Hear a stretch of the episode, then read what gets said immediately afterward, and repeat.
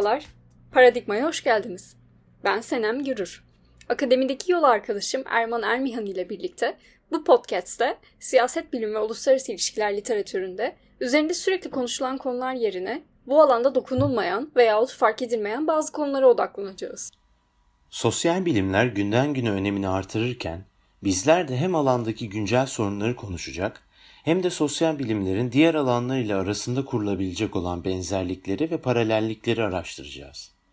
Araştırırken de hem bulduğumuz bilgileri sizlerle paylaşacak hem de araştırmalarımız sonucunda aklımıza takılan soruları ağırlayacağımız konuklar ile tartışacağız. Şimdiden keyifli dinlemeler. Herkese merhaba. Bugün Paradigma'nın yeni bir bölümüyle karşınızdayız. Bu bölümümüzde sadece Erman'la ikimiz olmayacağız. Kadir Üniversitesi Uluslararası İlişkiler Bölümünde yüksek lisans çalışmalarına devam eden kıymetli arkadaşımız Gizem Kaya da bizlerle olacak. Gizemciğim hoş geldin diyelim öncelikle sana. Hoş bulduk Senem. E, tabii bu bölümümüzde aslında Kolombiya'yı konuşmak istiyoruz. Kolombiya'da yaşanan e, protestoları ve son siyasi gelişmeleri ele almak istiyoruz. Bölgede yaşanan gelişmeleri konuşmak üzere de çok değerli bir konuğumuz var. Kolombiya'da Kolombiya'dan Rosario Üniversitesi'nde postdoc e, yapan değerli hocamız Doktor Başar Baysal bizlerle. Hocam size de hoş geldiniz. Teşekkürler bizi kırmadınız. İyi ki geldiniz. Çok teşekkürler Senem. Hoş bulduk. Siz, ben çok teşekkür ederim siz kabul ettiğiniz için. Ne demek hocam? Her zaman her zaman. E, tabii sizinle daha detaylı konuşacağız ama hani ben girerken böyle bilmeyen belki e, dinleyicilerimiz olur diye Kolombiya'da neler oluyor? Belki bir paragrafta anlatayım. Sizinle zaten daha detaylı bir şekilde açarız ama e, Kolombiya'da artan yoksulluk ve e, devlet başkanı Ivan Duque'nin aslında onayladığı yeni vergi reformu yasası üzerinde 28 Nisan'dan bu yana e, bir grev ve protestolar e, devam ediyor aslında hükümet bu vergi e, reform yasa tasarısını meclisten geri çekti ama e, protestocular hala e, protestolarına devam ediyor. Bir takım e, farklı istekleri var çünkü bunları da konuşacağız. E, ve sanıyorum e, yani son baktığımda ben son kontrol ettiğimde protestoların başından bu yana da e, protestocularla polis arasındaki şiddetli çatışmalar sonucunda e, en az 50 kişi hayatını kaybetmiş durumdaydı. Binlerce kişi de e, yaralandı ne yazık ki. E, tabii hocam öncelikle o zaman ben size hemen soruyu aktarayım çok da uzatmadan. Şimdi bu protestolara sebep olan vergi yasasını size sormak istiyoruz. Yani neyi içeriyordu, neden e, verildi mecliste bu tasarı sonra neden geri çekildi? İlk önce belki biri bunları konuşabiliriz. Yani hükümet neyi planladı diye. Sonra da belki e, protestocularla bu Ulusal Grev Komitesi ile Ivan Duque hükümeti bir görüşme yaptı ama görüşmeler başarısızlıkla sonuçlandı bir yandan. Çünkü talepler söz konusu olmuştu. Bu talepleri de bize anlatırsanız protestocular neleri istiyor, e, neler düşünüyorlar sizden dinleyelim sahadan. Tabii ki. Ee, tekrar teşekkürler e, bu fırsat için. E, olaylar Nisan ayındaki şeyle başladı. Aslında sadece vergi reformu değil, sağlık reformu. iki tane. Yani bunlara reform diyorlar burada ama hani çok reform karakterinde olan şeyler değil. Belki hukuki düzenlemeler diyelim yani bunlara. Vergi ve sağlık düzenlemeleriyle başladı. İşte hükümet, Düke hükümeti e, iki tane yasa tasarısı hazırladı. E, vergi ve sağlıkla ilgili ve ayın 28'indeki protestolar bunlara bir tepki olarak başladı. Neydi bunlar? İşte vergiden başlayacak olursak. Şimdi burada Kolombiya'da zaten büyük bir adaletsizlik söz konusu. Yani sosyal, ekonomik olarak büyük bir adaletsizlik söz konusu ve mevcut yapı e, zengin kesimin, elit kesimin e, konumunu koruma yönünde şekillenmiş ve bu değişmiyor. Şimdi ne oldu? Özellikle bu Covid döneminde ülkede her ülkede olduğu tabii ki. Bazı ekonomik sorunlar baş gösterdi. Ee, bazı işte borçlar hem iç borç hem dış borç anlamında ülkenin hükümeti zorlayacak bazı şeyler baş gösterdi, sıkıntılar baş gösterdi. Bunu da işte hükümet e, bunu sübvanse edebilmek için, bu ekonomik sıkıntıların üzerinin üstesinden gelebilmek için bir vergi reformu hazırladı. Ama vergi reformunun, e, vergi düzenlemesinin diyeyim, e, içeriğine bakılacak olursa bu daha ziyade bu e, yükü yani Covid'de oluşan ekonomik yükü e, orta alt sınıfın sırtına yükleyecek bir yapıdaydı. Mesela vergi reformu için akaryakıta zam geliyordu mesela veya işte temel tarım ürünlerine işte patates, ne bileyim işte burada platano pişirilen bir muz türü var gibi işte çok tüketilen bu tür ürünlere vergi geliyordu. Bu da ne oluyor? İşte e, hem tüketiciyi yani Yani çok çok zengin insanı çok etkileyecek bir şey değil yani. Hani patatesin bir kilosunu 3000 pesodan değil de 4000 pesoya e, almak e, zengin insanı çok etkileyecek bir şey değil ama gerçekten hani orta alt sınıftaki geliri çok düşük olan insanları etkileyecek bir şeydi bu. Bir taraftan da neyi etkiliyordu? Tabii tarımsal üretim yapan kesimi etkiliyordu. Kırsaldaki çiftçileri çok kötü etkileyecek bir durumdu. Ama diğer taraftan ne oldu? Bunlara vergi gelirken özellikle zengin kesimin sahip olduğu büyük endüstrilere hiçbir vergi gelmedi. Mesela işte gazlı içecekler sektörü diyelim yani. Ee, burada çok tüketiliyor. Sudan daha ucuz yani bunlarda şeyler, o tür şeyler. Ve bu tür şeylere hiçbir vergi gelmedi. Ee, dolayısıyla ne oldu? Böyle bir adaletsiz bir şey. Yine orta ve alt sınıfın sırtına yüklenen bir ekonomik yük olduğu için böyle gösteriler başladı. Yani mevcut adaletsizliği arttırıcı bir şeydi aslında bu. Ee, diğer taraftan sağlık reformuna bakacak olursak burada Kolombiya'da Türkiye'deki gibi hani bir resmi SGK gibi bir kurum yok. Ee, sağlık sigorta işlemleri özel şirketler tarafından yapılıyor. Özel şirketler işte e, yani bir sürü özel şirket var sigorta yapan ve bunların bir sürü anlaşmalı hastaneleri var. İnsanlar bunlar üzerinden para ödeyerek e, kendilerini sigorta ettiriyorlar. Tabii burada da çok fazla yolsuzluklar var. Mesela bazı batan e, bu sağlık sigorta şirketleri falan bazen devlet kurtarıyor işte onları e, sübvanse ediyor, biraz onlara destek oluyor falan.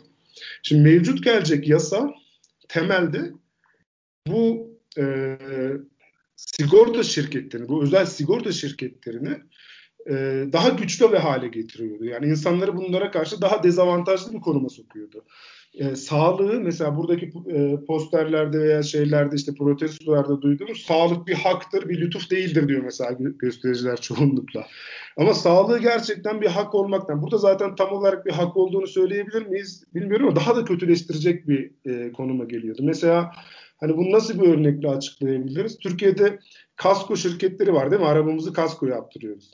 Ama mesela e, şey olursa e, hiç kaza yapmamışsa kazasızlık indirimi alıyoruz mesela. Veya işte birisi 20'li yaşlarda ve arabası spor bir arabaysa ne oluyor? Daha çok kasko ödüyor çünkü işte kaza yapma ihtimali daha fazla, arabası daha pahalı gibi.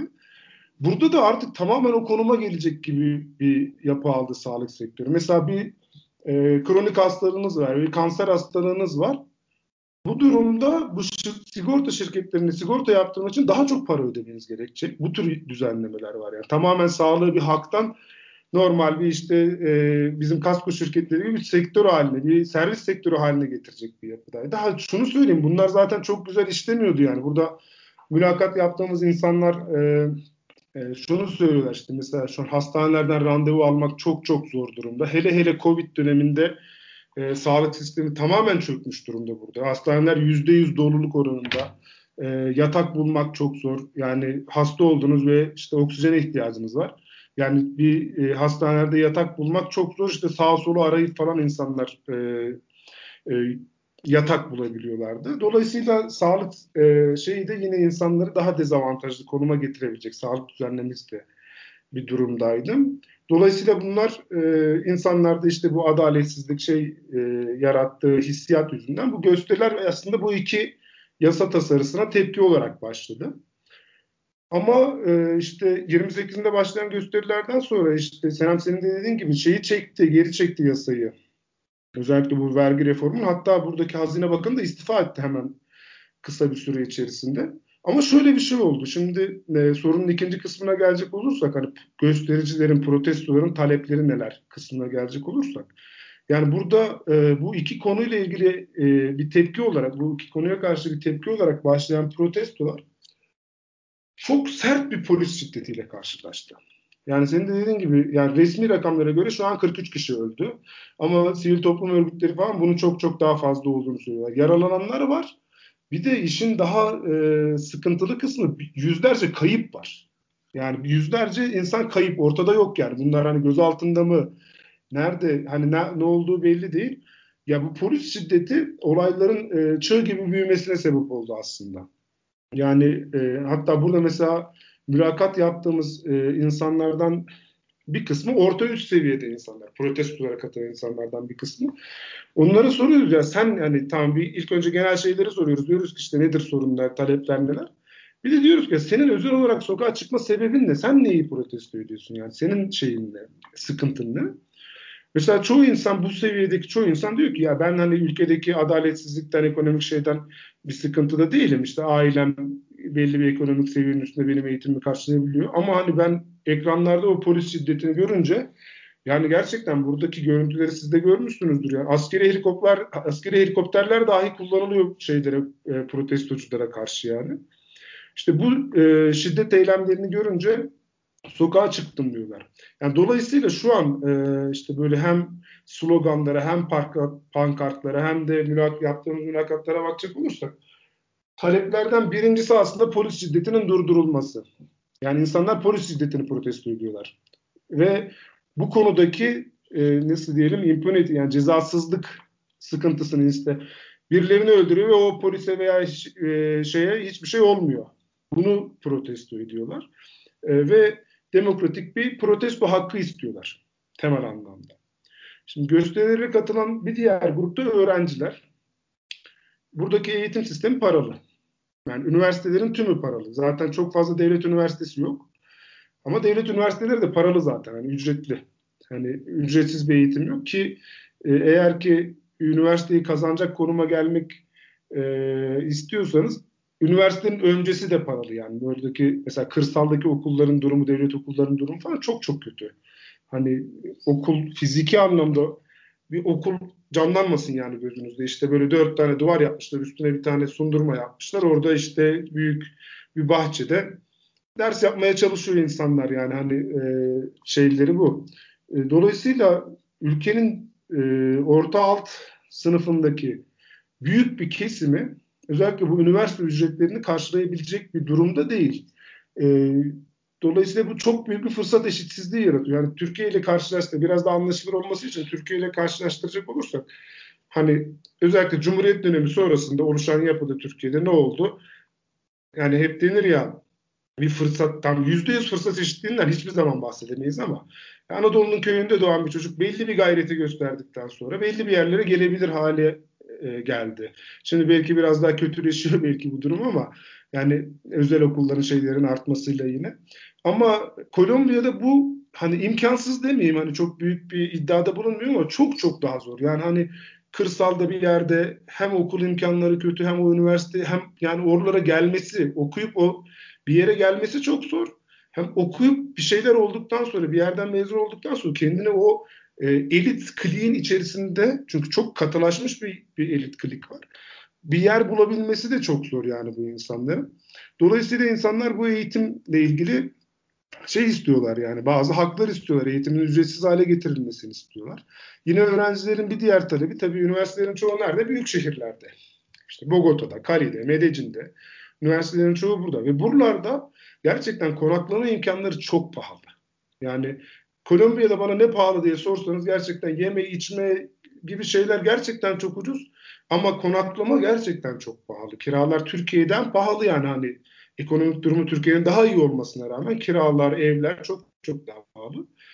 E, dolayısıyla öğrencilerin taleplerinden bir tanesi de yurt imkanı.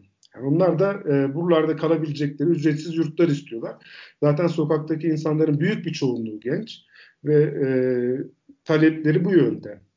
Şimdi diğer bir talebe gelirsek ülkedeki şiddet e, şiddetin durması yönünde bir talep var. Zaten ülkede e, bu şeyler çok fazla. Nasıl diyeyim yani cinayet oranları mı?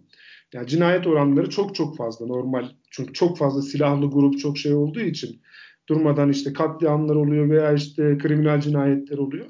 Ama ülkede iki tip şeyden bahsedebiliriz genel olarak.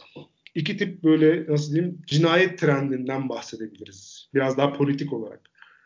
Bunlardan birincisi sosyal liderlerin öldürülmesi. Şimdi sosyal liderler kim? Sosyal liderler işte insan hakkı savunucuları var. Veya işte e, hem ülke çapında hem de lokal anlamda birçok sivil toplum kuruluşu var. Yani gerçekten burada sivil toplum kuruluşları çok yaygın. E, bunların liderleri var. Bir de işte yerli kabileler gibi grupların e, liderleri var. İşte community leader dedikleri insanlar var ve bunlara karşı uzun yıllardan beri devam eden sistematik bir şiddet var. Sistematik bir cinayet var. Bu insanlar öldürülüyor yani işte bir şekilde bu elit yapının veya işte hükümetin, dönem hükümetinin veya işte başka silahlı grupların çıkarlarına uymayan bir şeyler yaptıklarında bu insanları öldürüyorlar. Hani ben hani e, doktora tezimde 60'lardan itibaren özellikle buraya ayrıntılı çalışmaya çalıştım. Çünkü fark biliyorsunuz 64'te kuruluyor. İşte o dönemden beri bu var yani bu trend devam ediyor ve işte insanların taleplerinden birisi, protestocuların taleplerinden birisi bu şiddetin durması. Diğer bir şiddet trendi de 2016'dan sonra özellikle de 2018'den sonra ortaya çıkan eski fark militanlarının öldürülmesi. Şimdi biz burada yaptığımız işte çalışmada bununla ilgili bir database falan da hazırladık. Hani e, öldürülen fark militanları ile ilgili. 2016 yılından itibaren 250'nin üstünde fark militanı öldürüldü burada. Silah bırakmış. Eski fark üyesi diyelim yani artık onu. Burada ex guerrillero diyorlar da yani e, gerilla tabiri Türkiye'de biraz politize olmuş bir tabir o yüzden çok kullanmak istemiyorum. Ama öyle hani o eski fark bırakmış, e, eski silah bırakmış fark üyeleri öldürülüyor. Tabi bu da ne oluyor? Şiddetin artması yönünde çok önemli bir etmen oluyor. Çünkü bunu gören e, silah bırakmış insanların mesela özellikle 2018'den sonra tekrar silahlanma e, trendi başladı mesela farkta. Tam çok çok güçlü değil şu an. En azından şu an mesela e, işte 12-13 bin e, fark üyesi silah bıraktı barış sürecinde. Bunlardan yaklaşık ne diyeyim 1000-2000 tanesi falan tekrardan silahlandı. Hani çok büyük bir kısmı silahlanmadı ama tabi bu süreç devam ettikçe, bunlara karşı olan şiddet devam ettikçe e, ne oluyor? Bunlar silahlanmaya, şey olmaya devam ediyorlar yani. Hani daha çok çünkü kendilerini aldatılmış hissediyorlar. Devlet bunları korumuyor. Çünkü barış anlaşmasında bunların korunmasına dair birçok madde vardı. Dolayısıyla e, bu iki şiddet trendi ülkede çok önemli yer ediyor. Protestolarda da çok ülke gündeminde yer ettiği gibi protestolarda da yer ediyor. İşte bütün bu pankartlarda işte sosyal liderlerin ölümünü durdurun ve işte bunları e, yapan insanların cezasızlığını yani bunlara ceza verilmiyor bir şekilde üzeri kapatılıyor olayların bir şeyler oluyor. İşte bunların da durdurulması yönünde talepler var.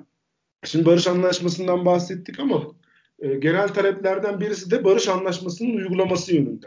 Yani 2016'da imzalanan işte farklı imzalanan barış anlaşması 2018'den itibaren işte bu barış anlaşmasına muhalif olan Centro Democratico'nun e, üyesi işte Ivan Dük'ün başa geçmesinden sonra çok yani çok gönülsüz uygulanıyor öyle söyleyeyim yani size. Ve bu barış anlaşması sadece şeylerden oluşmuyor yani sadece işte fark üyeleri silah bırakacak.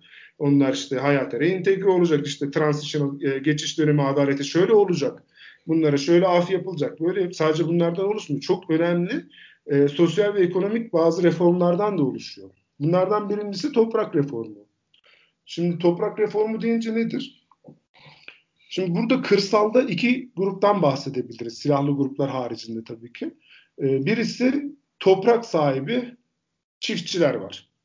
İşte bunlara hasendado diyorlar. Hatta hasiyendaları var bunlar işte çiftliklerin. Adam 500 dönüm tek parça dev gibi bir arazisi var. Yani orada üretim yapıyor mesela. Bunlar işte kırsalın zenginleri durumunda. Bu süreç daha hani yeni bir süreç değil. Ta işte 1800'lerden hatta daha öncesinden olan işte İspanyol kolonileşmesinden itibaren ve hala değiştirilememiş bir sıkıntı bu toprak sıkıntısı, toprak reformu sıkıntısı. E bunların dışında bir de topraksız köylüler var.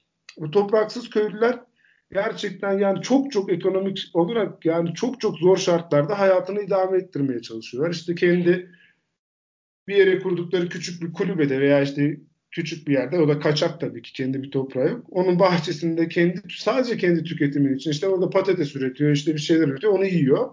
Ve ekonomik olarak kazancı sadece bu toprak sahibi olan, büyük topraklara sahip olan e, toprak sahiplerinin, çiftçilerin e, bahçelerinde yevmiyeli olarak çalışmak. Çok çok düşük ücretlere çalışıyorlar ama tek gelirleri bu. Dolayısıyla toprak reformu neyi içeriyordu? İşte bu insanlara e, kamu arazilerinden toprak vermeyi içeriyordu. Ve gerçekten hani ülkedeki sosyoekonomik sorunların kırılması için de çok önemliydi yani barış anlaşmasında yer alan. E, ama bu şu an uygulanmıyor. Yani tam olarak uygulanmıyor. Tam olarak uygulanmaması tabii ki bütün ülkedeki bütün sorunların bu tür sorunların devam etmesine sebep oluyor. Dolayısıyla mesela bu e, e, protestoların kapsamında hani barış anlaşması uygulansın taleplerinin kapsamında bu var. Diğer bir şey, e, diğer bir husus yine barış anlaşması kapsamında PEDET diye bir program başlatıldı. Bu programda nedir? İşte barış anlaşmasının ana maddelerinden birisi toprak reformu, birisi de işte illicit drugs yani uyuşturucu maddelerin üretimi ve kaçakçılığı ile ilgili bir madde. Ee, burada işte yapılacak düzenlemeyle şuna karar verdiler barış anlaşmasında. İşte biz koka üreten yani kokainin ham maddesi olan koka yapraklarını koka üreten çiftçilere çiftçileri sübvanse edeceğiz. Ne yapacağız? İşte biz bunların e, başka ürünler üretmesini yönlendireceğiz. İşte koka yerine işte şeker kamışı üretsin, kahve üretsin, işte patates üretsin, platano üretsin ve biz işte aradaki şeyi e, gelir farkını devlet devletin sübvanse etmesi gibi bir şey söz konusuydu. Hatta biz işte burada gittiğimiz yerlerde e, görüştüğümüz koku üreticileriyle işte çiftçilerle mülakatlar yaptık. Mesela bize şöyle şeyler söylüyor. İşte 2016'da barış anlaşması imzalanınca bu insanlar koka tarlalarını kaldırmışlar. Yani hani sürmüşler mi diyeyim yani hani koka bitkileri sökmüşler. Çünkü işte devletin bunlara destek olacağı ümidiyle. Ama devletten bekledikleri destek hem tam olarak gelmeyince hem de çok bazı yerlerde ulaşmış ama çok geç ulaşmış. Tam ulaşmış. Bazı yerlere hiç ulaşmamış zaten bu destek. Şimdi mesela bu eski koku üreticilerinin hepsi ya hepsi demeyelim tabii ki. Büyük çoğunluğu e, şey e, tekrardan koku üretimine geri dönmüşler. Dolayısıyla bu da ne oluyor? Gerçekten uyuşturucu üretim buradaki şiddetin varlığını destekleyen bir husus. E, bunun uygulanmıyor oluşu insanların üzerinde bir baskı yani silahlı grupların güç kazanması gibi bir baskı unsuru oluşuyor. Dolayısıyla barış anlaşmasının bu maddesinin de uygulanmaması büyük bir sıkıntı yaratıyor. Dolayısıyla taleplerden birisi bu. Yine son olarak şundan bahsedebilirim. Yani barış anlaşmasının uygulanmasının talebiyle ilgili. Biraz önce bahsettiğim işte bu demokratik gösteri hakkı e, hususu da aslında barış anlaşmasında var. 2016'da işte demokratik gösteri hakkı getirilmesi yönünde e, barış anlaşmasının maddelerinde olan bir husus. Ama bu yasalaşmadı. Hala da yasalaşmadı. Dolayısıyla şu anki polis şiddeti ve bu kapsamdaki demokratik e, gösteri hakkı e, talepleri aslında barış anlaşmasıyla da biraz ilintili bir şey. Yani biraz uzatıyorum belki ama e, kısaca yani genel taleplerden e, bahsedecek olursak sokaktaki insanlardan bir kısmı da yani sokaktaki derken protesto protestolara katılan insanlardan bir kısmı da yerli kabile üyeleri. Bu yerli kabile üyeleri yani ne istiyor? Aslında bunların sorunları çok geçmişe dayalı sorunlar. Yani ta kolonyal dönemden beri gelen sorunlar. Bu insanlar kendi topraklarını ve kendi kültürlerini korumaya çalışıyorlar. E, bu kapsamda işte e, yine barış anlaşmasındaki toprak reformu kapsamında bunlara da şeyler verilecekti. Yani eski toprakları diyelim yani iade edilecekti aslında yani. Hani şöyle bir bakarsanız yani 1400'lerden önce İspanyollar burayı kolonize etmeden önce, kolonyalizm başlamadan önce bu toprakların hepsi onların da aslında yani. Şimdi böyle küçücük dar alanlara sıkışmış durumda ve oralarda kendi kültürlerini devam etmeye çalışan insanlardan bahsediyoruz. En azından bu toprakların bir kısmının bu insanlara iade edilmesi süreci vardı. Bu uygulanmıyor. Tabii bunun insanların talebi bu. Yine dedim ya işte bu sorunlar çok çok gerçekten e, derinlere inen yani kökenleri olan, geçmiş kökleri olan sorunlar. Mesela burada birçok heykel yıkıldı şehirlerde. İşte hatta bizim benim burada çalıştığım Rosario Üniversitesi'nin önündeki heykeli yıktılar. Bu heykeller kim? Eski kolonyal liderlerin heykelleri bunlar. İşte bu heykeller şeyler tarafından, yerli kabileler tarafından değil mi? Kendi kültürlerini, varlıklarını korumaya çalışan insanlar. Bunlar tarafından yıkıldı. Bu tür talepleri var. Ee, yine son olarak e, şeyden bahsedebiliriz. Bu e, yani sadece bu tabii yerli kabilelerin talebi değil ama bu insanlar gerçekten çok çevreye duyarlı ve doğayla bütünleşmiş bir yaşam tarzı e, e, yaşadıkları için, öyle bir yaşam tarzına sahip oldukları için burada barış anlaşmasından önce e, uygulanan bir yöntem vardı işte koka tarlalarının havadan ilaçlanması ve bu şekilde onların kurutulması yönünde. Ama bunun da çok fazla yan etkileri var işte. Ne, nedir işte e, diğer bitki örtüsüne zarar veriyor, doğal hayvanlara zarar, insanlara zarar veriyor. İşte diğer mahsullere zarar veriyor, insanların yetiştirdiği diğer hayvanlara zarar veriyor. Dolayısıyla başta e, bu gerçekten çevreye çok duyarlı olan e, yerli kabileler olmak üzere protestocuların genel taleplerinden birisi de yani aslında bu şu an hala da yasak. Yani şu an uygulanmıyor. Ama mevcut ülke hükümeti bunu tekrardan e, yürürlüğe koymak istiyor. Bunun tekrardan yürürlüğe koyulmamasıyla ilgili bir talep var e, genel göstericilerde ve yerli e, katılan gösterilere katılan yerli kabilelerde. Yani genel olarak toparlayacak olursak evet bu husus bu protestolar şeyle başladı. Vergi reformu, vergi düzenlemesi ve e, sağlıkla ilgili düzenleme ile ilgili, ilgili başladı ama dediğim gibi çığ gibi büyüdü ve ülkenin gerçekten genel bütün sorunlarını e, kapsayacak bir e, yapı aldı. E, ve yani bütün sorunları böyle tek cümleyle özetlemek olursa hepsi aslında ülkedeki sosyal ve ekonomik e, adaletsizlik ve fırsat eşitsizliğine e, dayanan konular yani. Umarım bir cevap olmuştur. Teşekkürler. Hocam biz teşekkür ederiz. Çok kapsamlı bir cevap oldu hatta. Yani özellikle Kolombiya'da neler olup bittiğini aslında çok detaylı anlamış olduk.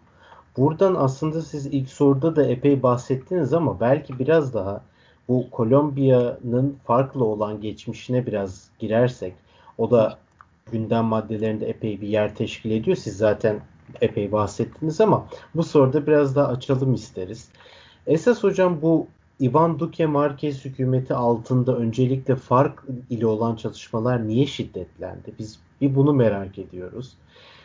Barış süreci bundan sonra nereye gider? Bir de onu soralım. Ee, sonra sizi bölmemek adına bir üçüncü sorumuzu da eklemleyeyim hocam. Siz belki daha e, toplu bir cevap verebilirsiniz e, güvenlikleştirme teorilerin alanında da uzmanlaştığınız için hocam biraz da akademik olarak da güvenlikleştirme teorisi bize bu gelişmeleri nasıl yorumlar? Böyle bir e, cevap sizden rica edebiliriz hocam. Yani e, tabii ki e, yani zaten bu protestoların ana şeylerinden birisi barış anlaşması dediğim gibi. Yani farklı olan süreç tabii tabii 1960'lardan bahsediyoruz. Farkın kuruluşu. Hatta sadece fark değil o dönemde birçok sol örgüt kuruluyor kurulma sebeplerinden birisi gene bu o, o dönemde de farklı muhalif seslere çok fazla yer olmaması.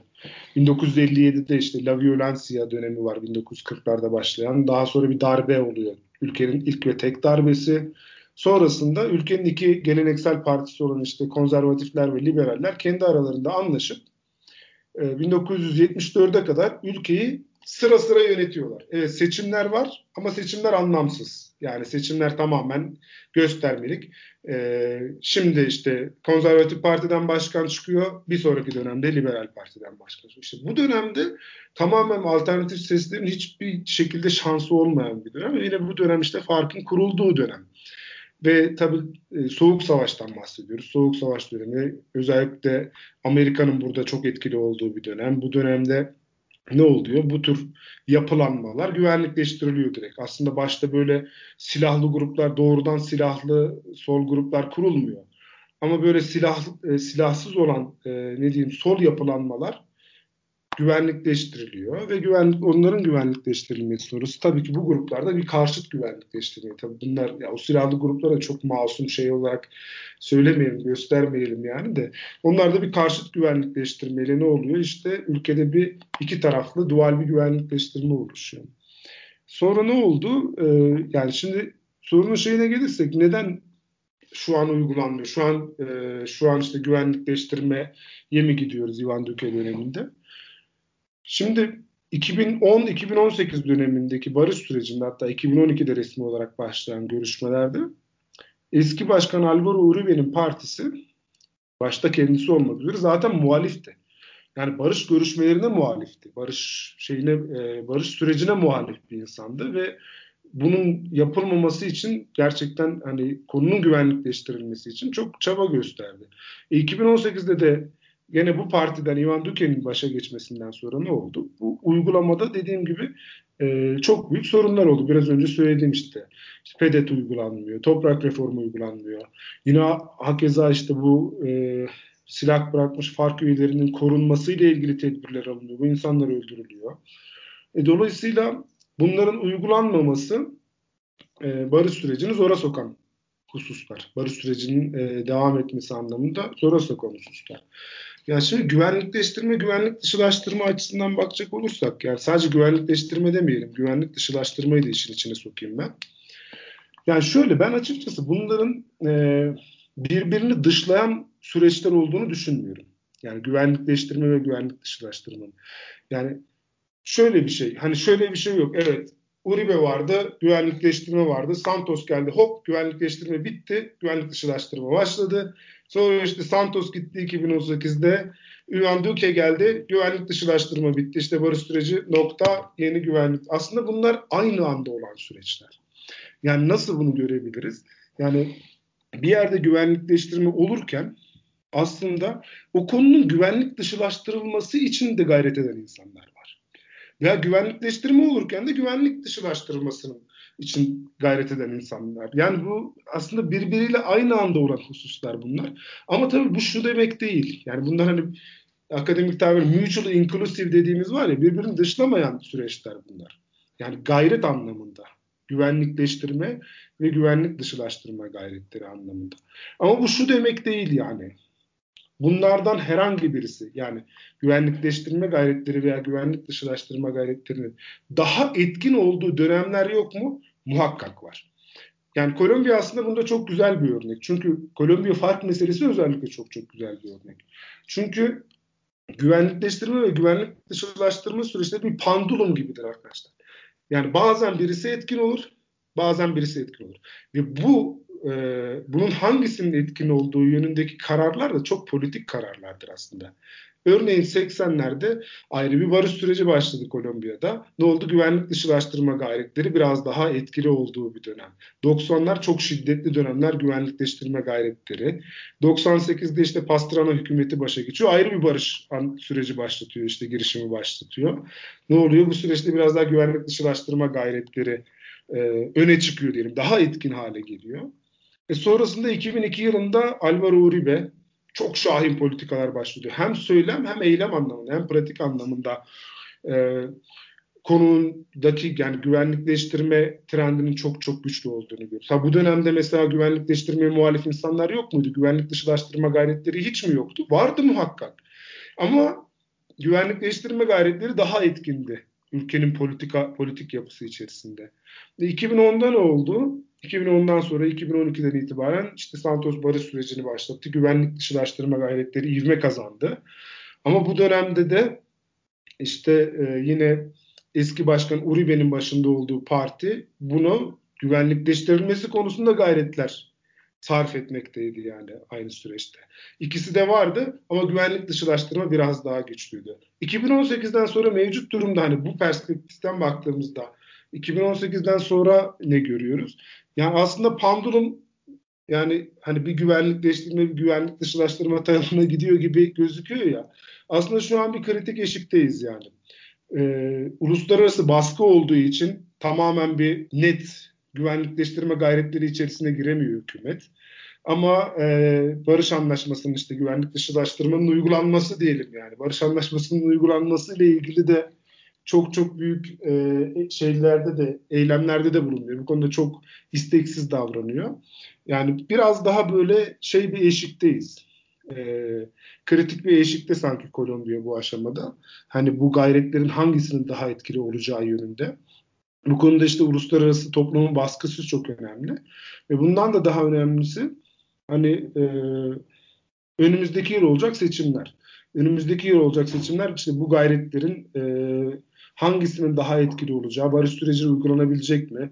Uygulamaya gerçekten gerçek manada mı uygulanması diyorum. Yani biraz önce söylediğim sorunlar kapsamında uygulanması sağlanabilecek mi? Yoksa ülke tamamen yine e, şeye mi dönecek? E, güvenlikleştirmenin ve işte güvenlikçi politikaların çok çok daha etkin olduğu bir yapıya mı dönecek? Önümüzdeki yıldaki seçimler bunda e, çok çok e, şey olacak yani belirleyici bir e, süreç olacak öyle söyleyeyim.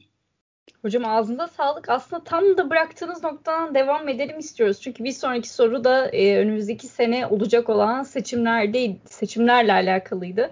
Belki çok hypothetical bir e, soru olabilir ama hani yani seçimlerde şimdi e, öngörü ne? İşte Petro'nun şansı nasıl gözüküyor veya Duque e, tekrar seçimlere girebilecek mi? Yani nasıl bir seçim ortamı var?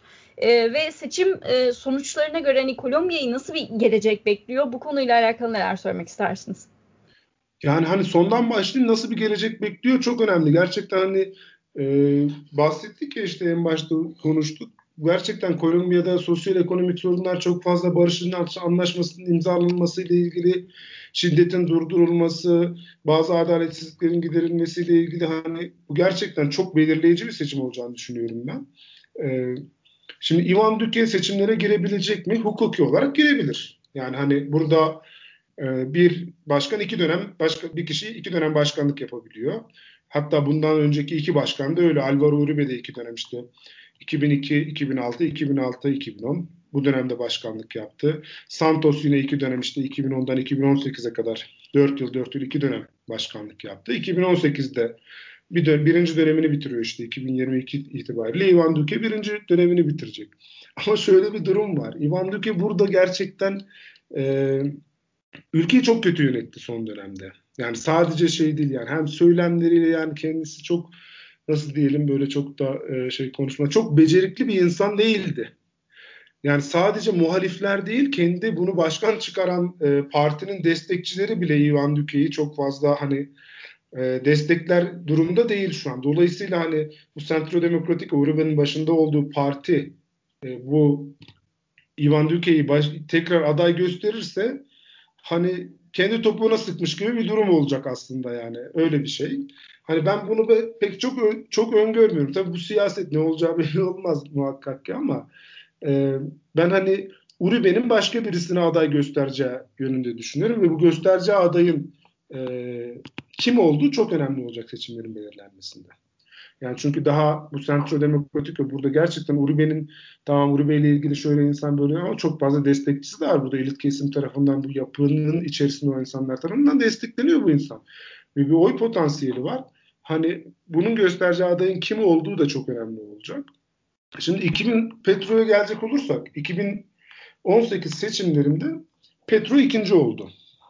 Ee, sonrasında işte burada da iki turlu seçim var. İşte %50'yi alamazsa aday ikinci tura kalıyor şeklinde başkanlık seçiminde. Ee, Fajardo var burada bir de yine politik figür. Bu da yine muhalif bir figür. Ee, o da üçüncü oldu ama seçimlerin ikinci e, şeyinde yani ikinci seçimlerde diyelim yani hani e, şey bu Fajardo şeyi desteklemedi. Petro'yu desteklemedi ilginç bir şekilde. E, aslında desteklese şu an Ivan Duque başkan olmayacaktı yani ve şey başkan olacaktı. E, Petro başkan olacaktı ama o desteği alamayınca Ivan Duque başkan oldu. Bu işte Fajardo'nun biraz e, şey kaybetmesine sebep oldu burada. Destek kaybetmesine sebep oldu. Mesela burada mülakat yaptığımız gençlerden Fahardo biraz daha işte yani burada tam sol bir parti yok. Petro da sol bir parti değil yani. Hani sağla sol gibi bir şey değil. Burada sol çünkü tamamen güvenlikleştirilmiş yapıda yani. yani sol bir söylem işte biz solcu olacağız işte sol bir şeyi getireceğiz sosyal demokrasi kuracağız falan deyince tamamen direkt güvenlikleştirip siz Castro Chavizmo üzerinden ülkeyi e, Venezuela'ya mı çevireceksiniz e, şeyiyle e, söylemiyle karşılaşıyorlar e, bu tür insanlar.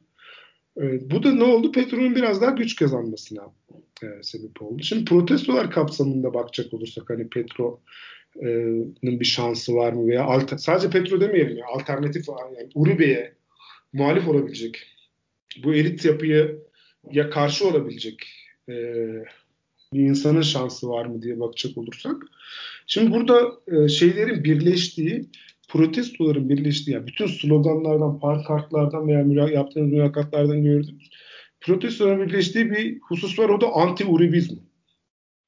E, çünkü Uribe 2002 yılında başkan seçildi. 2008'e kadar ülkeyi yönetti. Bundan sonraki seçilen işte hem Manuel Santos hem Ivan Duque Uribe'nin partisinden başkan seçilmiş insanlar. Evet Manuel Santos Uribe'nin de ünlü. Savunma Bakanlığı yapan bir insan. Sonrasında barış sürecini başlattı. Tamam seçildikten sonra e, onlardan kopup çok farklı bir politikaya yöneldi ama başta o da onun partisinden seçilmişti yani. Dolayısıyla Uribe 2002 yılından beri Kolombiya'nın e, politik e, ortamında, politik hayatında çok büyük yer eden bir insan. Dolayısıyla bu insanlar bu halen yaşadıkları sorunların hem kökleşmesinde hala da, ve hala da çözülmemesinde Uribe'nin Uribe'yi şey görüyorlar. Ve dolayısıyla bu bütün şeylerde işte bir anti-Uribizmo şeyi var. Yine aynı şekilde protestolarda benim çok önemli gördüğüm bir husus e, insanlarda bir farkındalık var. Biraz önce bahsettiğim gibi mesela biz bir üst orta sınıf insanlarla da mülakatlar yaptık. Bu insanlar diyorlar ki yani hani evet diyor ben diyor öğrencim mesela benim diyor ailem diyor maddi durumu iyi benim eğitimimi de karşılayabiliyor. Ama diyor ya ben işte bu insanların sorunlarını gördüm ve bunlarla işte hem kırsaldaki hem veya diğer işte diğer dezavantajlı gruplar işte yani sadece işte yerli kabileler olsun, diğer fakir insanlar olsun, sosyoekonomik olarak kötü durumda olan insanlar olsun. Bu insanların sorunlarını gördüğüm için sokağa çıktım ve onlarla bir dayanışma göstermek için sokağa çıktım diyorlar. Ve bu Kolombiya'da ya Kolombiya'da gösteriler çok böyle anormal bir şey değil. Çok çok olan şeyler. Yani 2000 geçen sene oldu, 2019'da çok büyük gösteriler oldu. Ama bu gerçekten hani diğer gösterilerden ayıran husus. Çünkü gerçekten üst orta sınıftan insanlar da özellikle gençlerde belli bir mesela okullarda işte bu konuda gruplar kurulmuş böyle e, öğrenci gruplarını kurmuş, öğrenci grupları kurmuşlar. Bunlar bunlar kendi çapında işte şeyler yapıyorlar, çalışmalar yapıyorlar, seminerler yapıyorlar, protestolara katılıyorlar. Ve ne oluyor? Sanki benim düşüncem e, bu konuda e, bu protestolar sayesinde e, bir farkındalık oluşuyor. Çünkü gerçekten burada iki tane Kolombiya var. Bir büyük şehirler işte dedim ya. Medellin, Cali, Bogota, buradaki insan bir de kırsal. Gerçekten bunun, bu iki e, şey arasında, iki coğrafya arasında çok büyük bir uçurum var. Yani sosyoekonomik olarak çok büyük, uçurum, büyük bir uçurum var. Hatta yani e, biliyorsunuz 2016 yılında barış anlaşması imzalandığında burada halk oylamasına gidildi. Ve halk oylamasında barış anlaşması reddedildi. Daha sonra işte Santos ve Fark e, küçük değişikliklerle mecliste onaylatıp barışı. Yani bu aslında barış uygulamaya başladılar. Bu aslında bu reddin sebebi de bu iki Kolombiya olmasıydı. Gerçekten şehirlerdeki insanlar kırsaldaki insanların e, problemlerinden çok da haberdar değillerdi. Mesela biz Tumaco'ya gittik. Orada bir otelde kaldık saha çalışması kapsamında. Ya gittiğimiz sadece Tumaco değil, gittiğimiz işte kırsaldaki gittiğimiz yerlerin tümünde. Otellerde kimler kalıyor biliyor musunuz? Bizim gibi araştırmacılar, Birleşmiş Milletler temsilcileri. Çünkü burası işte barış sürecini monitör eden bir Birleşmiş Milletler şeyi var. Bir de sivil toplum örgütlerinden bazı insanlar. He, herkesin bir yeleği var. Arkasında sivil toplum örgütünün şeyi var. Amblemi var. İşte yani UN amblemi var. Bir de bizim gibi işte araştırma yapmaya çalışıyor. Hiç turist var. Oralara kimse gitmiyor buralardan çok fazla. Çünkü tehlikeli yerler gerçekten.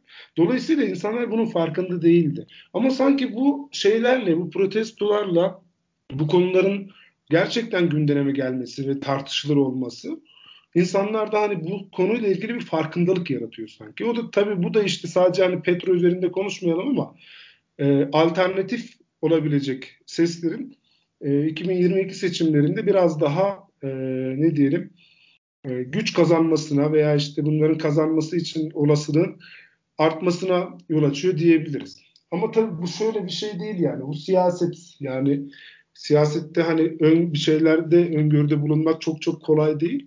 Hele Kolombiya'da bu çok daha zor. Neden? Çünkü ülkedeki seçimler de hani çok sağlıklı seçimler olduğunu söyleyemeyiz. Hani mesela şey yok hani e, işte sandık çalma gibi şeyler falan burada çok fazla görülen şeyler değil ama oy satın alma var mesela.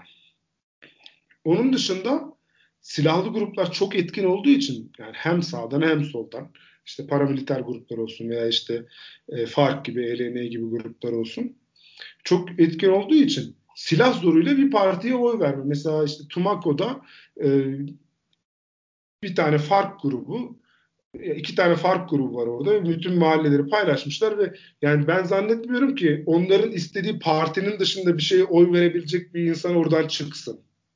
Hani Türkiye'de de denir ya işte Doğu illerimizde aşiret yönetiminde işte bütün aşiret şu partiye oy verecek falan gibi hani o sandıktan başka oy çıkmayacak gibi şeyler. Burada da mesela burada bunun çok daha böyle silah soruyla olanı ve baskıyla olanı var. ilgili olanı var. O yüzden hani böyle tahminlerde bulunmak biraz zor. Ama dediğim gibi işte bu yaşanan gelişmeler, protestolar şeyler bunlar hani e, şeyin alternatif seslerin ya, yarattığı farkındalıkta bu olaylar. Alternatif seslerin biraz daha şansının e, şansını arttırdığını düşünüyorum. O şekilde söyleyeyim. Teşekkür ederiz. Ee, son olarak ben e, doğal kaynaklar ve çevreyi içeren bir soru sormak istiyorum.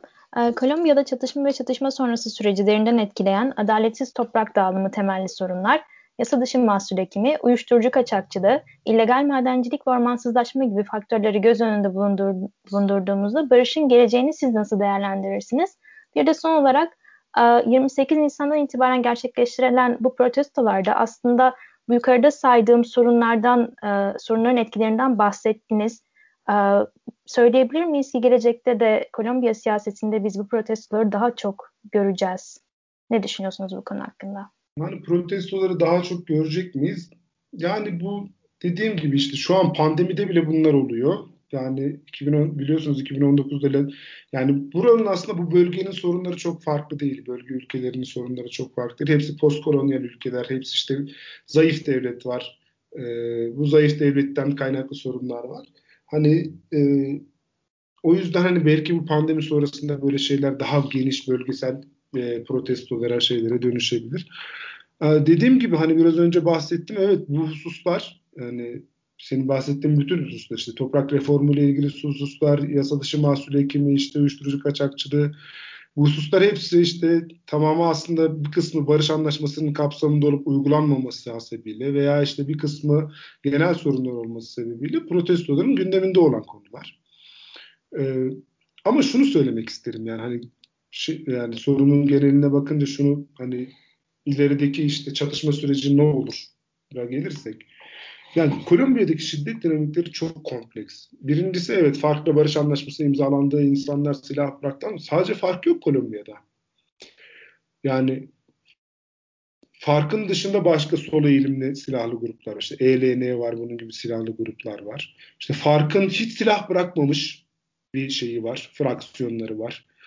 Sonra işte bu barış anlaşmasından dolayı silah bırakmış ama tekrardan silahlanmış fraksiyonlar var yani mesela işte sağ ve sol diyebileceğimiz e, politik eğilimli silahlı gruplar var. Ama sadece bunlar yok. Hiçbir politik eğilimi olmayan uyuşturucu kaçakçısı olan silahlı gruplar var. E bunların dışında yani uyuşturucu kaçakçısı kaçakçılığıyla da uğraşmayan ama sadece güç ve otorite e, sağlayabilmek için varlığını sürdüren silahlı çeteler var. Mesela işte bahsettim bu e, Kauka'da bir yerli kabileyi ziyaret ettik. Yani bir tane tepede yerleşmiş bir yerli kabile. Sadece o kabilenin olduğu tepede bile 7 ayrı silahlı grup olduğunu söylediler bize. 7 ayrı silahlı çete. Yani yani şiddet dinamikleri dediğim gibi çok çok e, nasıl diyeyim kompleks yani burada. Çok karmaşık ve çok karmaşık ilişkiler var. Mesela iki tane çete, iki tane silahlı grup bugün e, şey, işbirliği içerisinde oluyor. Yarın birbiriyle düşman oluyor veya belli konularda işbirliği içerisinde belli konularda düşman oluyorlar falan. Çok farklı dinamikler var. Tabii ülkede uyuşturucu e, nun varlığı, uyuşturucu kaçakçılığının varlığı. Çünkü çok inanılmaz gelirler elde ediyorlar insanlar bundan yani özellikle silahlı gruplar. Tabii bu yani o yüzden çatış bu da çatışma sürecini nasıl diyeyim e, durdurulmasını engelleyen hususlardan birisi. Biraz daha genel bakacak olursak şimdi bütün işte biraz önce dedim ya yani postkolonyal ülkelerin genel sorunlarından birisi zayıf bir devlet var burada. Dolayısıyla Kolombiya devleti coğrafyasının her yerinde şiddet tekeline, şiddet uygulama tekeline sahip değil. Her yerinde varlık gösteremiyor. Bu da neyi getiriyor? Bu zayıf devlet neyi getiriyor? Hem sorunları çözemiyor. Birincisi sorunları çözemiyor. Çünkü orada varlık gösteremediği için sorunları çözemiyor. Ama bence bundan daha önemlisi devlet zayıf olduğu için de devletin otoritesini veya meşruiyetini sorgulayan birçok farklı lokal grup ve silahlı grup olduğu için devlet sürekli bir güvenliksizlik yani ontolojik olarak güvenliksizlik ikilemi içerisinde yaşıyor devlet. Bu güvenliksizlik ikilemi de neyi getiriyor? Her eleştiriyi, her farklı görüşü devletin güvenlikleştirmeyle çözme şeyini getiriyor. Yani, yani güvenlikli politikalarla çözme şeyini getiriyor. Sonucunu doğuruyor yani devlet şunu yapmıyor yani işte böyle bir sorun var bunu kabul edelim ve, ve yani bunun için bir reform yapalım bir şey yapalım. Yok böyle bir yola gitmekten ziyade gelebilecek bütün eleştirileri, olabilecek bütün eleştirileri ontolojik olarak kendi varlığına bir tehdit olarak görüyor. Çünkü devlet zayıf. Yani kendi zaten o güvenliksizlik ikilemi içerisinde. Dolayısıyla ne oluyor? Devlet bütün bu tür eleştirilere güvenlik güvenlikleştirmeyle, güvenlikli bir politikayla e, cevap veriyor ve ülkede genel bir reform yapılamıyor.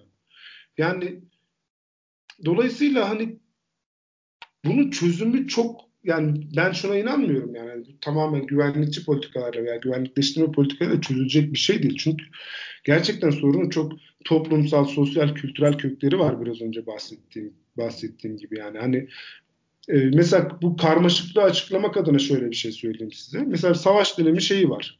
Savaş dönemi ekonomisi oluşmuş durumda. Yani bu şiddetin karmaşıklığını açıklamak için söyleyeyim yani. Mesela gittiğimiz bir şey Kakete'de, Kavka'da orada e, uyuşturucu yani koka üreticileriyle görüştük. Mesela üç tane grup var. Birisi toprak sahipleri. Bu insanlar ne yapıyor? İşte kendi arazilerinde koka ekip para kazanıyorlar. İkincisi ne var? Topraksız köylüler var. E bu topraksız köylüler de bu koka tarlarında çalışıyorlar. İşte yılda dört defa koka yaprakları hasat ediliyor toplanıyor ve bu insan ya gerçekten çok düşük rakamlarla çalışıyorlar ama elde edebilecekleri tek ekonomik gelir bu yani. E onlar da çok düşük şeyler de olsa bir şeyler para kazanıyor. Ve silahlı gruplar var. Silahlı gruplar da bunları topraksız işte toprak sahiplerinden alıyor. İşte kokaine çeviriyor. Çok büyük paralar kazanıyorlar bu insanlar. Dolayısıyla bir savaş dönemi ekonomisi olmuş durumda. Ya. Veya işte işte Buenaventura, bu Pasifik Okyanusu kenarındaki şehirler, Tumaco, Bunlar işte uyuşturucu kaçakçılığının böyle başkenti diyebileceğimiz yerler yani. E burada evet gerçekten silahlı gruplar var ama ne var? Yani normal insanların da çok düşük rakamlar da olsa para kazandıkları bir ekonomi oluşmuş burada yani bu e, şey üzerinden e, uyuşturucu ticareti üzerinden. Ya ne var işte orada küçücük bir teknesi olan adam var o alıyor bir yerlere götürüyor. İşte öğrenciler para taşıyor mesela yani. Gerçekten uyuşturucu pazar, pazar parası taşıyorlar öğrenciler ve bunlardan kendilerine para kazanıyorlar.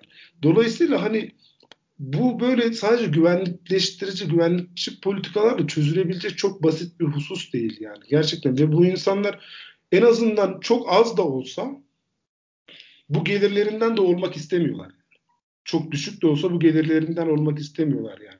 Dolayısıyla bu sadece güvenlikçi bir politika değil, gerçekten sosyal bir dönüşüm gerekli. Mesela bu Türkiye'de yok mu? Bu Türkiye'de de var hani. Biraz daha anlaşılması açısından söyleyeyim. Ben mesela e, en son e, Şemdinli'de çalıştım. E, terörle mücadele operasyonlarında, işte sınır güvenliğinde veya daha önce Çukurca'da çalıştım. Şimdi insanlar Kaçakçılık yapıyorlar buradan. Irak'tan şeyden. Bir sürü şeyin kaçakçılığı. Sadece uyuşturucu değil yani işte. Koyun kaçakçılığı bile. Ve bunu nasıl yapabiliyorlar?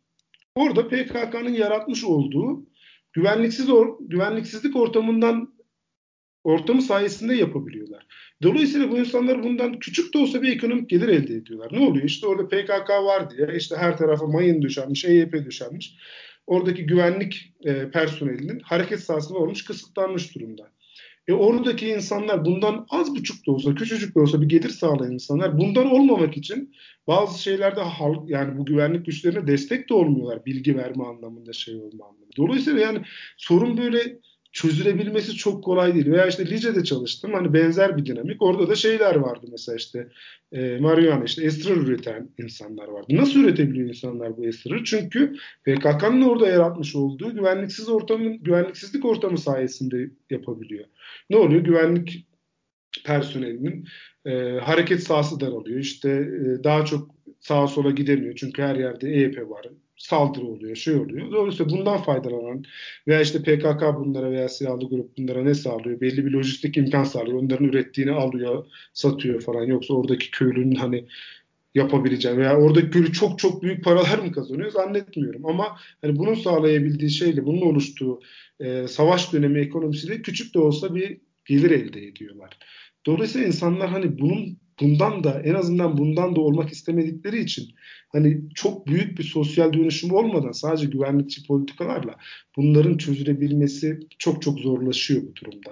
Yani toparlayacak olursak yani benim görüşüm hani çatışma süreci e, Gizem bu e, küçücük işte bu bir günde bir gecede böyle bitecek bir sorun değil. Çok kompleks bir sorun bu Kolombiya'da. Çok farklı gruplar var. Çok farklı oluşmuş ekonomiler var. Çok farklı oluşmuş çıkar grupları var. Dolayısıyla bunun hani e, sadece böyle işte oralara işte e, asker göndererek operasyonlar yaparak da çözülebilecek bir şey. Bunun için çok büyük bir sosyal, toplumsal, e, ekonomik bir dönüşüm gerekli. İnsanların gerçekten hayatlarına dokunacak bir dönüşüm gerekli. Yani bu ama hani çok da pesimistik olmayalım, çok da böyle karamsar olmayalım. Gerçekten bu son politikalar biraz önce bahsettiğim gibi insanlarda farkındalık yaratma anlamında e, çok önemli bir e, fonksiyon üstlendi. Yani çok önemli bir şey oldu, süreç oldu bu. Dolayısıyla hani bu konuda yine aynı yere geleceğim ama önümüzdeki seçimler 2022 seçimleri yani tamam 2022'de seçim oldu hop bitti her şey düzeldi olmayacak ama en azından e, bir şeylerin başlayabilmesi bu reformun e, sosyoekonomik dönüşümün başlayabilmesi için önemli bir e, şey olabilecektir diye düşünüyorum. Bir kapı aralayabilecektir diye düşünüyorum. Son söz olarak ben yayındayken de size çok teşekkür etmek isterim. E, Senem ve Gizem adına. Bugün hem Gizem'i ağırladık Sağ olsun bize destek oldu bugün sorularımızı sorarken. Hem de sizi ağırladık. Hem sizi sahadan dinledik ve gözlemlerinizi an, anlama şansı bulduk ve Kolombiya'nın güncel gelişmelerini aslında biraz ışık tutmaya çalıştık. Eğer son söyleyeceğiniz bir şey yoksa hocam resmi olarak kapanışımızı çekebiliriz. Sonrasında devam ederiz. Erman çok teşekkür ederim. Son söyleyeceğim yani bu hem çalışmalarınız için sizi çok tebrik ederim. Benim kabul ettiğiniz için çok teşekkür ederim. Son olarak da şunu söyleyeyim hani ee, sanırım söylemem gerekiyor. Buradaki çalışmayı TÜBİTAK kapsamında yapıyorum. TÜBİTAK destekliyor. TÜBİTAK Postdoc projesi kapsamında yapıyorum. TÜBİTAK'a bu destekleri için çok teşekkür ederim öyle söyleyeyim. Çok teşekkürler hocam. Tekrardan vakit ayırdığınız, bize bugün konuk olduğunuz için. Kapanışta tekrardan biz hatırlatıyoruz genelde konuklarımıza. Bugün e, Sayın Hocamız Doktor Başar Baysal ile birlikte Kolombiya'da güncel siyasi gelişmeleri ışık tutmaya çalıştık. Bizi dinlediğiniz için çok teşekkür ediyoruz. Paradigmayı her zaman desteklemeyi unutmayın. Teşekkür edelim. Sağ olun, var olun.